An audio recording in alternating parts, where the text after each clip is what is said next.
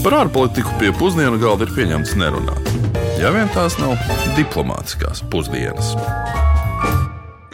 Labdien, un esiet sveicināti ikdienas diplomātiskajās pusdienās. Februāra mēnesī mēs aplūkosim trīs valstis, kuras man, Karlam Bukovskim, manam kolēģim Uģim Lībietim, kā arī pieļauju daudziem klausītājiem, varētu jukt. Lībija, Libāna un Liberija. Un sāksim mēs šo mēnesi ar Lībiju, kurā dzīvo visvairāk lībiešu, ne Uģi? Nu, jā, labdien arī no manas puses. Um, ja tu sāki ar vārdu spēlēm, tad jāatzīst, ka savā darbā nereiz vien es esmu pieķēries sev pie domas, ka Lībijas lībieši ir kaut kā jāizsaka nedaudz citādāk, lai nebūtu tā, ka lībieši stāsta par lībiešiem Lībijā. Bet par vārdu spēlēm un mīklām turpinot, uzdošu tev kā kino mīlim jautājumus, kur noteikti zini atbildi. Nu, proti, kas ir populāri zināms un kopīgs mūsu iepriekšējā raidījumā aplūkotajai Kazahstānai un arī šīs dienas galvenajai varonai Lībijai. Mm, Saša Barons Koens. Tas bija tas, ko tu domāji par reizi. Tieši tā, nu, šis pasaules slavenais komiķis ir ne tikai izmantojis Kazahstānas vārdu, kaļot sev pasaules slavu ar Borata Sagdījevu tēlu, nu, ap citu arī Kazahstānas popularitāti ceļot tādā veidā, bet arī uh, filmā Diktators Koens uh, ģenerāli Aladīnu galvenokārt balstīja uz bijušo Lībijas vadītāju Muamaru Kadafi. Un, uh, nu, un vēl Oskara ceremonijā ierodoties diktatora formā, viņš arī pamanījās tiešraidē apbērt kādu izklaides kanālu komentētāju ar urnā ievietotiem it kā vēl viena diktatora Ziemeļkorejas bijušā līdera Kima Čenīra pelniem. Jā, Raims Īkrast, viņš laikam apbēr. Bet um, Lībija pat par sevi ir bijusi un būs vērā ņemama valsts, par kuru mēs uh, ļoti daudz dzirdējām gan tā saucamā ārā pavasara laikā pirms desmit gadiem, gan ilgstošā pilsoņu kara dēļ, gan arī islāma valsts migrācijas plūsmas plūsmu uz Eiropu kontekstā. Un pilnīgi noteikti Lībija ir nozīmīgs faktors ne tikai geogrāfiski, bet arī no energoresursu viedokļa, jo tā ir Āfrikā lielākās un arī pasaulē devītās lielākās naftas rezerves. Nu, kopumā tiek rēķināts ap 48 miljardiem barelu.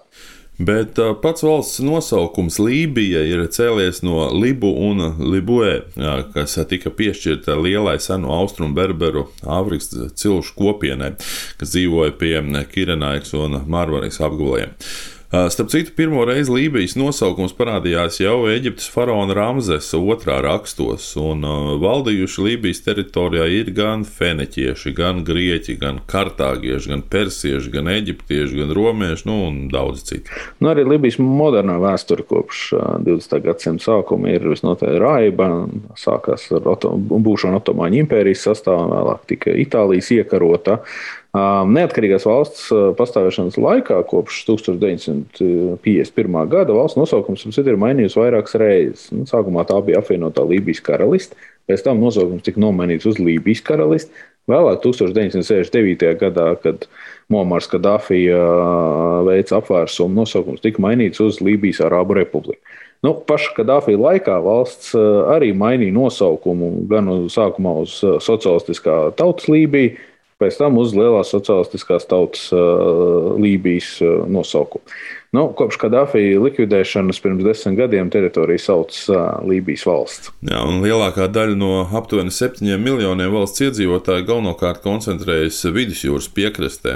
Tas nozīmē, ka 90% cilvēku apdzīvo mazāk nekā 10% no valsts teritorijas. Nu, galvenokārt viņi dzīvo trīs lielākajās pilsētās - Tripolē, Bengāzī un Misrātā.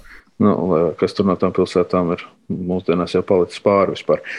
7 miljoni iedzīvotāju patiesībā diezgan liels cipars, ņemot vērā pilsoņu karu un uh, citus izaicinājumus. Uh, principā valsts kopš 60. gadiem ir četrkāršojusi savu iedzīvotāju skaitu, Un, ja rēķina tikai kopš 90. gadiem, tad divreiz palielināja savu iedzīvotāju skaitu. Nu, kas ir interesanti, ka nu, Latvijas kontekstā drīkst tā ielikt, tad 60. gados Latvijas teritorijā bija par vienu miljonu iedzīvotāju vairāk nekā Lībijā.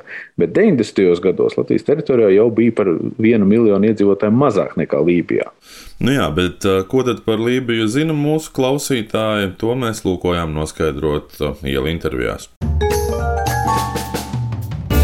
valsts Lībija ar seno Latviju, seno Latvijas kaut kādu valsts teritoriju. Es vienmēr esmu sev jautājis, kāds sakars lībiešiem. Mūsējiem ir Lībija. Bet tā viņa bija, man liekas, Āfrikā kaut kur. Lībija. Nu, es nezinu, man viņa ir sveša, bet vārds Lībija tāds kā latviski skanētu. Mm, laikam ar uh, tūkstošiem, ar um, sliktu politisko situāciju, nestabilu. Ne ar ko labu, es to varu pateikt. Varbūt ar kaut kādu karstu klimatu, un tā arī būs viss, manuprāt, par Lībiju. Es nezinu, kas ir Lībija, kaut kāds Latvijas novads, tas man tādas asociācijas. Jā, Ziemeļāfrikā. Nu, vairs neko. Ar uh, kara stāvokli varbūt? Revolūcija, Momars Kadafi. Nu jā, kaut kas Kadafi. Jā, pareizi trapīju, ne? nu, bija tāds diktators. Jā, man bija laime ieraudzīt viņu ļoti sen, kad bija ceļojums Dienvidslāvijā. Un es gribēju viņu nofotografēt. Un man uzreiz tur no visām pusēm cilvēki tādi kaut kas kādas melnas drēbes bija virsū. Viņi ne, tikai vēlāk viņi bija sapratusi, ka tas ir naiva turisti. Nu, tā, nu, tāpēc varbūt paliek atmiņā. Runājot par Lībiju, laikam primāri būtu jārunā par Lībijas vadītājiem. Un, vēl pagājušā gadsimta 50. gados Lībija bija viena no pasaules nabadzīgākajām valstīm, kuru vadīja karalis Idris I. Starp citu, tas arī bija vienīgais Lībijas karalis. Nu, šī karaļa valdīšanas laikā, konkrēti 1959. gadā, tika atklāti arī ievērojamie naftas krājumi, naftas rezerves, un tas ļāva arī valstī kļūt par vienu no bagātākajām Āfrikā. Un to, protams, arī aktīvi izmantoja Moārs Kadafī savus 42 gadus ilgušo valdīšanas periodu. Nu, tas viņu faktiski ir padarījis par vienu no visilgāk valdījušajiem diktatoriem pasaules vēsturē. Nu, Moāra Kadafī režīms ir slavens pēdiņās ar daudzām lietām. Gan ar naftas ieņēmumu izmantošanu, lai popularizētu savu ideoloģiju ārpus Lībijas, gan veicot, piemēram, valsts terorismu aktus starptautiskā līmenī. Nu, zināmākais ir bēdīgs slavenais gadījums virs Lokerbijas, kur ar Lībijas valdību saistīti cilvēki virs Skotijas pilsētas Lokerbijas uzspridzināja pasažieru lidmašīnu. Tas notika 1988. gadā. Tas bija vien dažus gadus pēc Lībijas veiktās diskotēkas spridzināšanas Rietumu Berlīnē. Un uh, otrs ar Kadafī saistītais lidmašīnas spridzināšanas gadījums bija Lībijas avio kompānijas lidaparāta notriekšana netālu no Tripolis. Uh, tas ir izdarīts kā, lai pasaulē parādītu, cik ļoti sankcijas nodara postu Lībijai. Sankcijas bija vērstas pret Lībijas centieniem izstrādāt masu iznīcināšanas ieroču, nu, kas, ja paskatās vēsturiskā perspektīvā, arī izdevās un kļuva par papildu iedvesmu arī tālākām sankcijām pret Irānu.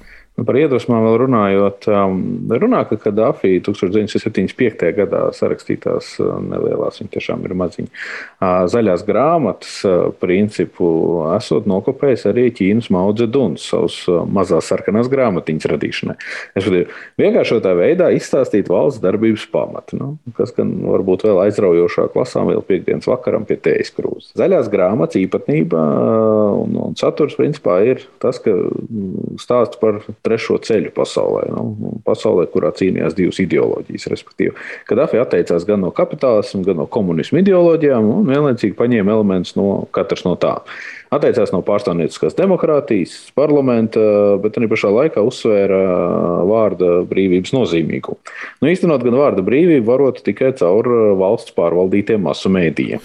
Nu, kā patiesībā, kad Dafija mēģināja pateikt, pasaulē viss ir pelēks un nav īsti ne balts, ne melns. Proti, ka Dafija arī nodrošināja, ka valsts ekonomika pieauga, ka valstī uzlabojas veselības pakalpojumi līdz līmenim, kas tiešām bija viens no labākajiem Āfrikā. Un ka Dafija laikā arī tika palielināts Lībijas iedzīvotāju lasīt prasmes līmenis. Viņa valdīšanas sākumā tie bija aptuveni 25%, valdīšanas beigās 2011. gadā tie jau bija 8%. 87% iedzīvotāji. Nu, par 2011. gadu beidzot runājot, un Kadafī nāvi, nu, tas ir atsevišķs stāsts Lībijas vēsturē. Diktators tika gāzts vardarbīgu protestu rezultātā, kā mēs atceramies, un tik vardarbīgi ar viņu izreikinājās, ka daudz pasaules diktatori vēl joprojām ļoti baidoties no līdzīga likteņa. Tādēļ, kas tad ar nežēlīgu tirānu spēja nobiedēt, nu, tad es izstāstīšu, bet cilvēkiem ar vājiem nerviem es iesaku varbūt šobrīd neklausīties aizspiest ausis. Jo mēģinot Kadafī aizturēt, viņa ienaidnieki pamanījās viņam nodarīt pamatīgas miesas bojājumus, uzspridzinot granātu netālu no diktatora. Nu, tas tika izdarīts, jo Kadafī slēpās kanalizācijas trubās, pirms viņš tika notverts. Visi notikumi savulaik tika nofilmēti un vēl ar vienu ir atrodami internetā un tostarp arī YouTube. Video klipā, kas ir atrodamais, ir attēlots kā Kadafī dibenā tiek iedurta bajoneta, tad viņš tiek piesiets aiz rokām pie mašīnas bagāžnieka un vilkts pa zemi līdz brīdim, kad tiek nomests uz zemes vienkārši atstājot tur. Vēlāk pagaidu Lībijas varas iestādes izvietoja Kadafī puskailo nedzīvo ķermeni caurspīdīgā saldētavā pilsētas centrā, lai visi pilsēta varētu to apskatīt un pārliecināties, ka diktors tiešām ir mīļš. Un kopā ar Kadāfī līķi publiski tika izlikts arī viņa dēla ķermenis. Abi līķi vēlāk tika apglabāti nezināmā vietā, Tuksnesī, kopā arī ar uh, bijušo aizsardzības ministru līķi. Lai arī rietumu pasaules reakcija par Kadāfī gāšanas faktu bija kopumā visnotaļ pozitīva, Kūbas, Krievijas, Venecijas, arī Nikaragvas valdību reakcija bija tieši pretēji negatīva. Nu, Piemēram, tiek ziņots, ka Putins esot bijis satriekts par Kadafi likteni tik lielā mērā, ka trīs reizes esot noskatījies šo te mm, iepriekš aprakstīto video, kur redzam viņa nežēlīgā nāve. Vēlākā ASV izlūkdienas novērtējumā esot secināts, ka Putins esot vainojis sevi par Kadafi nogalināšanu un nespēju spēlēt spēcīgāku lomu aizkulisēs un ka Nu, šis video iespējams pat varētu būt ietekmējis Putina lēmumu vēlāk atbalstīt Sīrijas prezidentu Pašaru al-Asadu Sīrijas pilsoņu kara laikā. Nu, tāpēc varam tikai minēt, vai Kadafī nāves video tiešām ir novēts arī pie tā, ka Putins cenšas vēl vairāk konsolidēt varu Krievijā. Um, nu jā, nu kopš Kadāfi nāves uh, Libija ir bijusi nepārtrauktā postošā destruktīvā konfliktā, nu, pilsoņu karā, mainīga intensitāte, kā var izteikties. Pilsoņu karš, kas noslēdzās 2020. gadā, ir uh, atstājis lielu ietekmi uz Lībijas iekšējo sabiedrības uzbūvi, demogrāfiju, politiku un ekonomiku. Ietekmējot arī Lībijas attiecības ar kaimiņu valstīm, tostarp Eģipti, Sudānu un Tunisiju, un radot attiecīgu slogu arī tirzniecībai, investīcijām un liels viestrādnieku kopienas klātbūtnē Lībijā. Un pēc ilgām un sarežģītām diskusijām ar starptautisko spēku, līdzdalību un starpniecību Pērnā gada nogalē bija paredzēts beidzot sarīkot Lībijas nacionālās vēlēšanas, taču pēdējā brīdī tomēr tika nolemts tās atcelt.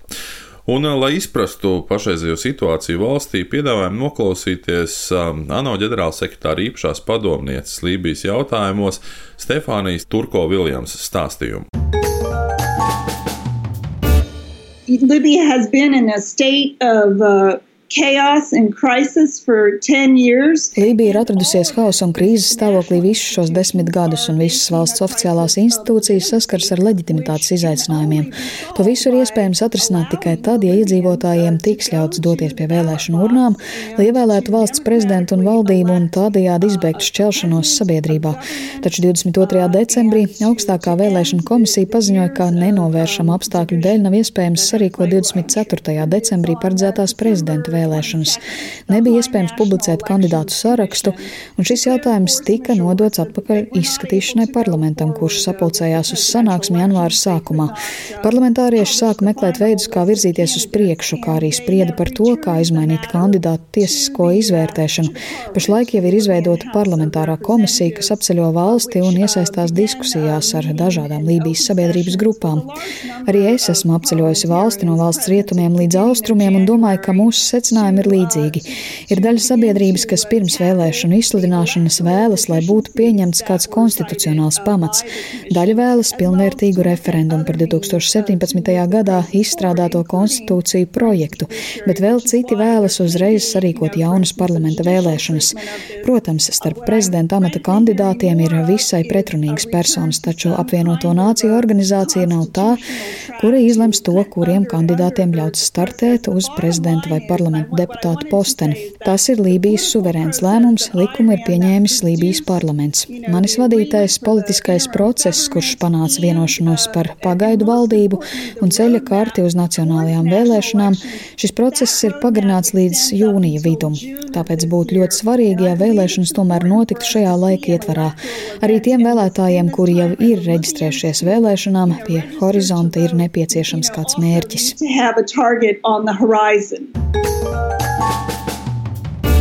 Nu, bez valsts iekšpolitikas ir uh, svarīgi nedaudz uh, pieskarties parunāt arī par Lībijas ekonomiku, kas gandrīz pilnībā ir atkarīga no naftas un gāzes eksporta. Un vienlaicīgi kara dēļ valsts šobrīd cieš no plašiem elektroenerģijas uh, padevas pārtraukumiem, pārāvumiem, ko izraisa ražošanai nepieciešamās degvielas trūkums. Dzīves apstākļi, tostarp piekļūt tīram dzeramajam ūdenim, medicīniskiem pakalpojumiem un drošam mājoklim kopš 2011. gada ir krasti pasliktinājušies. Arī naftas iegūs līmenis joprojām ir zemāks par vidējiem pirms revolūcijas augstākajiem rādītājiem, un um, karš ir radījis būtisku Lībijas ekonomiskā potenciāla zaudējumu, un uh, pēdējos desmit gados tas tiek lēsts vairāk nekā 150 miljārdu eiro apmērā. Karš, kā jau var nojaust, uh, protams, negatīvi ir ietekmējis visus makroekonomikas aspektus un ir vērojams strauju valdības ieņēmumu, investīciju un līdz ar to arī valdības izdevumu kritums. Konflikts ir skāris naftas un gāzes iegūs ražošanas un būvniecības nozares, un, nu jā, ieliekot to visu tādā kontekstā, tad Lībijas IKP pēc pirktspējas paritātes uz vienu iedzīvotāju pašlaik ir aptuveni trīs reizes mazāks nekā Latvijā. Papildus savu klimatu un tūkstošainās teritorijas dēļ tradicionāli apmēram 75% pārtikas Lībijas gadījumā importē no ārvalstīm, jo valsts vienkārši nespēja to saražot uz vietas. Te gan jāpiemina, ka Kadāfī savulaik mēģināja to mainīt, būvējot lielo Lībijas ūdensvadu, jeb dižo mākslīgo upi. Principā tas bija lielākais apūdeņošanas projekts pasaulē. Vairāk nekā 2000 km garš centrālais ūdensvads, kas kopā ar atzariem pārsniedz vairāk nekā 13,000 km nu, un pārklāja lielāko daļu valsts teritorijas. 2008. gadā Lībijas ūdensvads, starp citu, tika iekļauts arī Guinness rekordu grāmatā, lai arī nu, pats par sevi principā šobrīd nedarbojas un pamatīgi ir cietis arī kara laikā. Nu jā, vēl 2011. Um, gadā pirmā Lībijas pilsoņu kara laikā viena no divām rūpnīcām, kas ražo caurulus šim projektam, tika pakļaut NATO gaisa spēku triecienam, bet nu, otrā Lībijas pilsoņu kara laikā, kas ilga no 14. līdz 20. gadam, ūdens infrastruktūra faktiski tika atstāta novārtā un, un arī pilnīgi loģiski tika arī bojāta. Un 19. gadā cauruļotu sistēmā bija demontēti 101 no gandrīz kopumā 500 urbumu. Un uh, arī 2020. gada aprīlī kāda nezināma bruņota grupa sagrāba staciju, kas uh, nu, nodrošina ūdens plūsmu uz Tripoli, arī uz blakus esošām pilsētām. Nu, tas vienkārši novada īsā laikā pie tā, ka ir pārtraukta uh, ūdens piegāde vairāk nekā diviem miljoniem cilvēku. Man rezumējot, laikam, triviāli ir jāsaka, ka karš nav joka lieta. Vai tas ir starpvalstu vai pilsoņu karš, tam nekādas atšķirības nav. Lībijas piemērs rāda, ka iekšējās cilšu cīņas un savstarpējā neusticība var novest pie miljoniem salauztu dzīvi un miljardiem eiro vērtu zaudējumu valsts saimniecībai. Lībijas lielākais atbalsts cerībai atkopties ir nafta un gāze un tās eksports, protams, bet tajā pašā laikā šo produktu cenas staigā un lielākie patērētāji Eiropā, piemēram, ir sapratuši, ka klimata pārmaiņu un energo neatkarības nodrošināšanai tomēr labāk ir pārslēgties uz zaļākām tehnoloģijām. Un tas, protams, ietekmēs arī Lībijas tirgus pārdošanas iespējas. Lai cik būtu paēdis, vienmēr ir vieta arī desertam. Nu, lai arī mēs regulāri cenšamies paši sev ieskaidrot, ka desertam būtu jābūt saldākam un vieglākam, es neesmu drošs, ka arī šoreiz tā īsti būs. Jo pastāstīt gan mēs vēlētos par Amazonas gvardēm. Uh, Amazonas gvardas, jeb vienkārši Amazonas, ir vairāk neoficiāls nosaukums, ko rietumu žurnālisti piešķīra sieviešu elites miesas sargu armijai, kas kalpoja Muamaram Kadafī. Nu, oficiāli tas bija pazīstams ar daudz prozaiskāku nosaukumu - Revolucionārās mūķenes. Jā, nu, grupa tika izveidota 80. gada sākumā pēc kādā iniciatīvas ar domu, ka ārā vīrietis nespētu šaut uz sievieti. Nu, Realtātē gan šīs eh, miesasardzes nodarbojās vairāk tādu kā mājas pavardu sargāšanu, respektīvi mājas uzkopšanu, Kadāfija appuišošanu un fiziskās drošības jautājumiem. Tādēļ nereti var arī dzirdēt, ka šīs Amazonas vairāk bija ekscentrisks diktatoru runtums, nevis reāls drošības dienests. Un uh, sievietes arī tikušas atlasītas pēc to fiziskā skaistuma primāri, nu, lai kalpotu kā faktiski Kadāfija harēms. Nu, jāsaka, gan, ka revolucionārās mūķenes tiešām arī tika speciāli apmācītas un trenētas. Nu, tā piemēram, 98. gadā, kad islāma fundamentālisti Lībijā uzbruka Kadafī autokolonnai, tika nogalināta viena no šīm Kadafī sardzēm, un vēl septiņas tika ievainotas. Nu, tagad atkal ir jautājums, cik tas bija tiešām kaujas apstākļos un cik tas bija vienkārši likumsakarīga neaušība.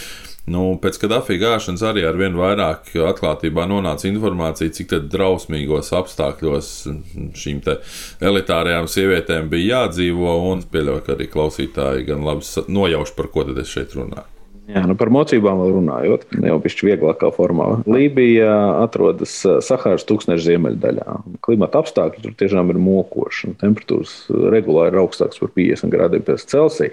Un lietas mēdz nenolīt pat uh, desmit gadiem ilgi. Saules baterijām pilnīgi piemērot vietu. Nu, karstums tiešām ir mokošs arī man, bet par vienu citu potenciālu mocību runājot, par to varētu nosaukt arī Lībijā populāru tēju, kas vairāk atgādina sīrupu nekā dzērienu uz ūdens bāzes. Nu, un, protams, šādas teijas pagatavošanā tiek izmantota liela kaudzes teijas lapu un arī vēl lielāks daudzums cukuru, kam tiek pievienots arī ūdens, starp citu. Un tad šis viss ķīselis tiek vārīts kādu pusstundu. Runā, ka arī obligātā kārtā šo tēju jāgatavo un jāpasniedz sievietei, ka, ka vīrieši šo nedarot. Bet nu, šī saldā un biezā fakta arī noslēdzam šodienas raidījumu. Un nākamnedēļ, kā jau solīts, no Lībijas uz Libānu, bet līdz tam, lai izdevusies nedēļa. Atgādināšu tikai to, ka mums raidījums ir klausāms arī Latvijas Rādio 1 mājaslapā, arhīvu sadaļā, portālā LSM, LV, kā arī podkāstu formātā, jebkurā jums pieejamajā vai vēlamajā straumēšanas platformā. Šo raidījumu palīdzēja veidot arī Ulris Česbers un Aleksandra Palkova. Uz sadzirdēšanos! Diplomātiskās pusdienas katru otrdienu pusdienos Latvijas Radio 1.